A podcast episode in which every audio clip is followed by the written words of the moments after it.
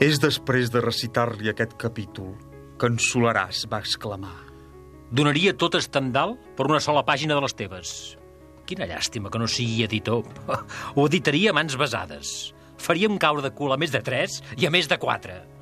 Sí, em va dir textualment això, que faríem caure de cul a molta gent si aconseguíem editar ni que fos tan solament aquest capítol. I això que en aquella època estava incomplet. S'acabava aquí!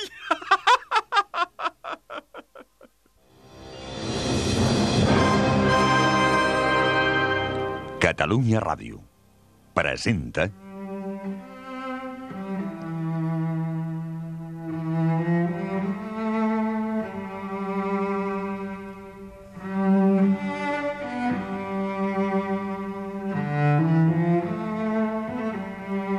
Incerta Glòria, de Joan Sales, en una adaptació lliure per la ràdio d'Oleguer Sarsenedes.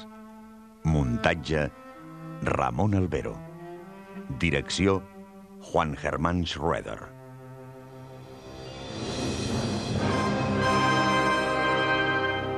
Incerta Glòria, de Joan Sales.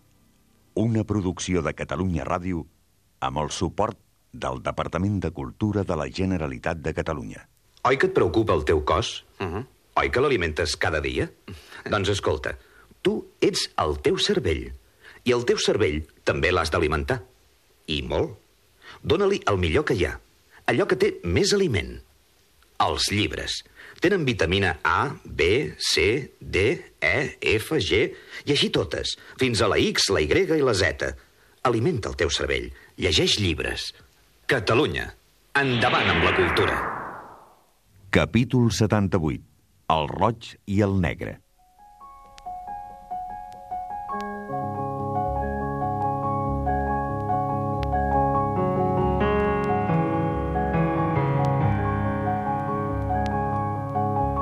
El roig i el negre. També es podria dir així, la meva novel·la. Amb molt més motiu que la d'Estendal. Totes aquestes setmanes estic rumiant aquest gran capítol, el capítol suprem, quan Recesvinto i els seus, que no eren més que un grapat d'idealistes desesperats, es troben derrotats i acorralats per les forces judeo-maçòniques demoliberals decimonòniques.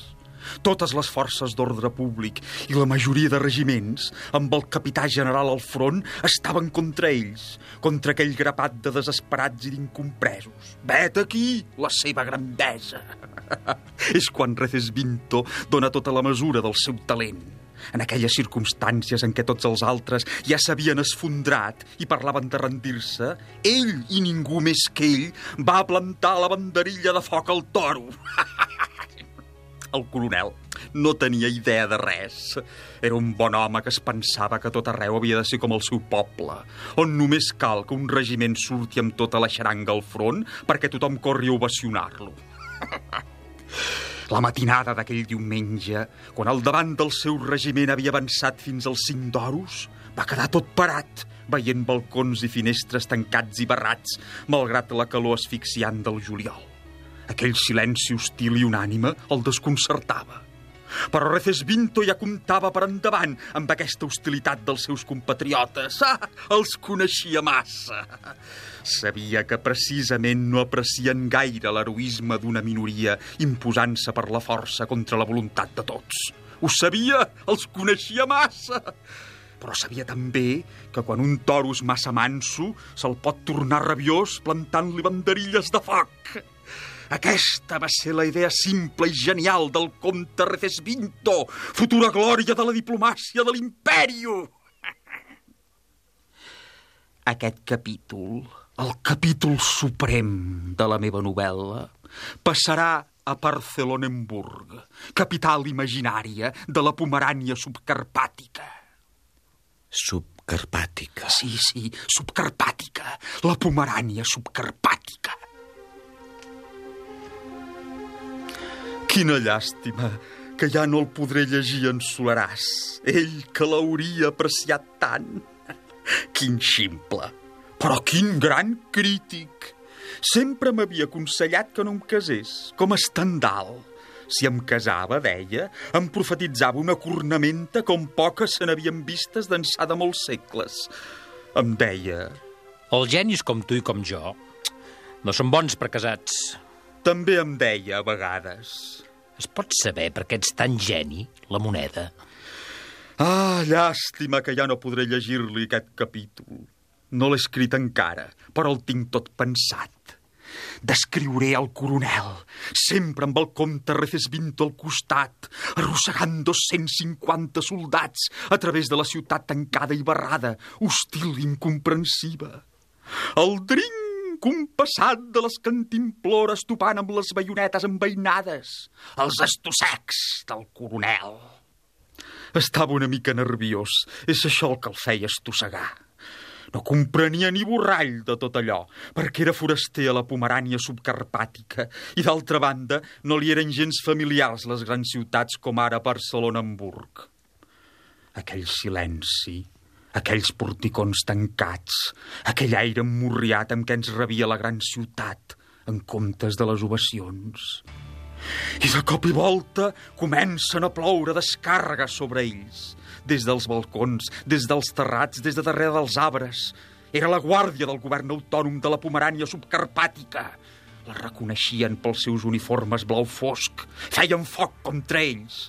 Alguns, sortint de darrere els arbres, s'avançaven una mica per ajeure's i tornar a tirar.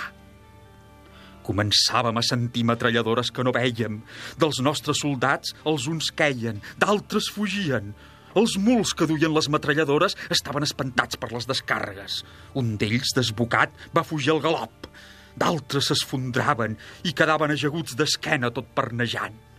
Calgué replegar-se d'arbre en arbre i de cantonada en cantonada. Deixant abandonades les metralladores amb els muls morts, van replegar-se cap al convent. El coronel estava desinflat. Ara ja sabia allò que Recesvinto li havia amagat en tant de compte fins a aquell moment, que l'altra guàrdia també estava contra ells. Havia vist lluir els xarols cap al fons de la Grazenstrasse. Varien formats amb la seva disciplina impecable de sempre, obedients com sempre al govern constituït. Estava desinflat. Ja només parlava de fer-se matar combatent per salvar el seu honor. sí, estupideses d'aquestes. És aleshores que el comte Recesvinto li va apuntar la idea a cau d'orella.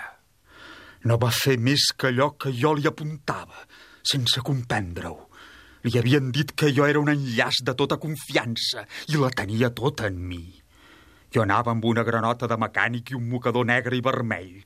El coronel ignorava que fossin també els colors anarquistes. Ho ignorava tot. Sí, tot, el pobre. Quin lliri d'innocència. Soc jo que ho vaig decidir tot, quan tot estava ja perdut. Jo i ningú més que jo, el comte Recesvinto. Aquella idea va ser tota meva. Només Atalanta no ho ha oblidat. Només ella me n'està agraïda. Tu ets el vencedor. El coronel no hauria tingut mai aquella idea formidable. No era més que un pobre home, un militar sense imaginació. En aquell moment de suprema angúnia, només pensava en el seu honor. L'imbècil! Parlava de fer-se matar, avergonyit d'haver arrossegat aquells 250 pobres diables a una aventura tan esbojarrada. Eren quintos, quasi tots de les províncies de Jaén o d'Almeria, i l'havien seguit cegament, sense demanar-se on els duia. Pobres, los he arrastrado al matadero. Nunca pude figurarme lo que ha ocurrido. Vaig témer que no s'aixequés la tapa del cervell sense donar-me temps a fer-li fer el pas decisiu. Vam entrar. Els frares van haver d'obrir la porta, si no l'hauríem enfonsat a cops de culata. I doncs, és que no ho havíem decidit així, monsignore? La más joven de las revoluciones es la revolución de los jóvenes. Però aquest prelat mundà somreia escoltant les confidències més íntimes de la duquessa i sabia jugar dues cartes a la vegada. Quan ella li va explicar que era jo qui havia enfonsat la porta del convent, va exclamar... La joventut és meravellosa. Quina revolució podrà ser mai tan gloriosa com la de la joventut? I bé, monsignore, la joventut té les seves exigències i podria ser que un dia ens anatipéssim de treure les castanyes del foc perquè els prelats mundans, tot mirant-se els toros des de la barrera, se les puguin cruspir. Ell jugava dues cartes.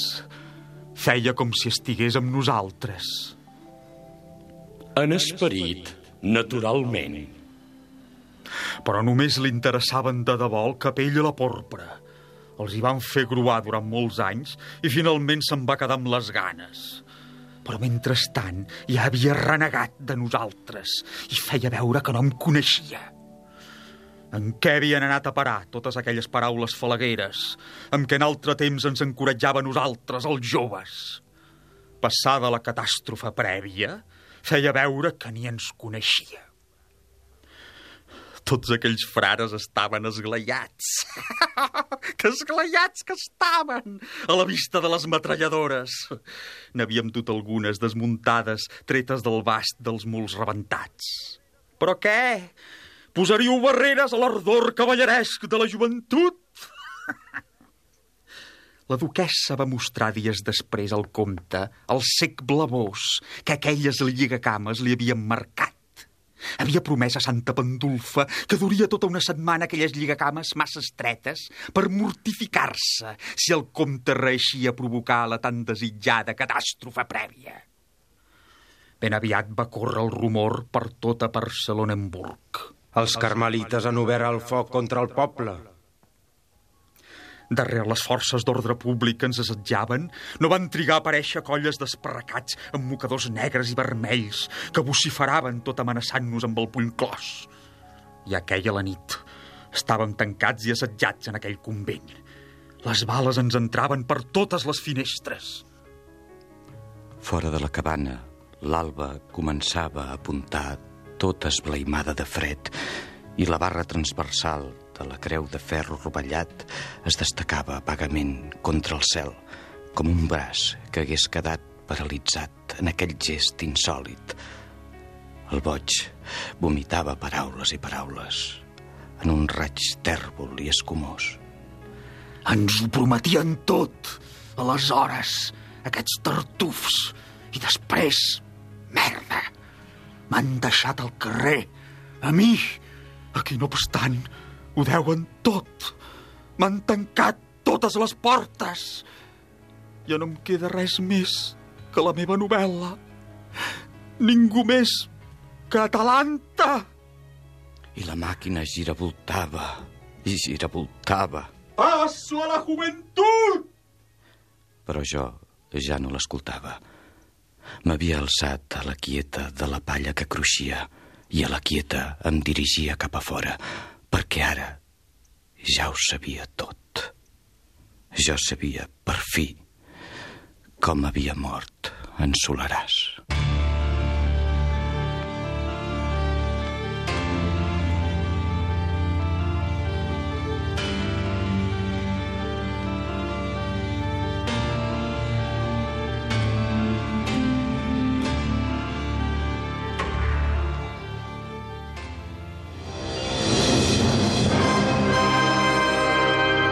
Escoltat el capítol 78 d'Incerta Glòria, de Joan Sales, amb les veus de... Cruells, Enric Major. La moneda, Francesc Balcells. Solaràs, Enric Pous. Atalanta, Maria Jesús Andany. Coronel, Enric Casamitjana. Pinell de Brai, Fabià Mates. Incerta Glòria, de Joan Sales. Una producció de Catalunya Ràdio. Amb el suport del Departament de Cultura de la Generalitat de Catalunya. Oi que et preocupa el teu cos? Uh -huh. Oi que l'alimentes cada dia? doncs escolta, tu ets el teu cervell. I el teu cervell també l'has d'alimentar. I molt. Dóna-li el millor que hi ha. Allò que té més aliment. Els llibres. Tenen vitamina A, B, C, D, E, F, G, i així totes, fins a la X, la Y i la Z. Alimenta el teu cervell. Llegeix llibres. Catalunya. Endavant amb la cultura.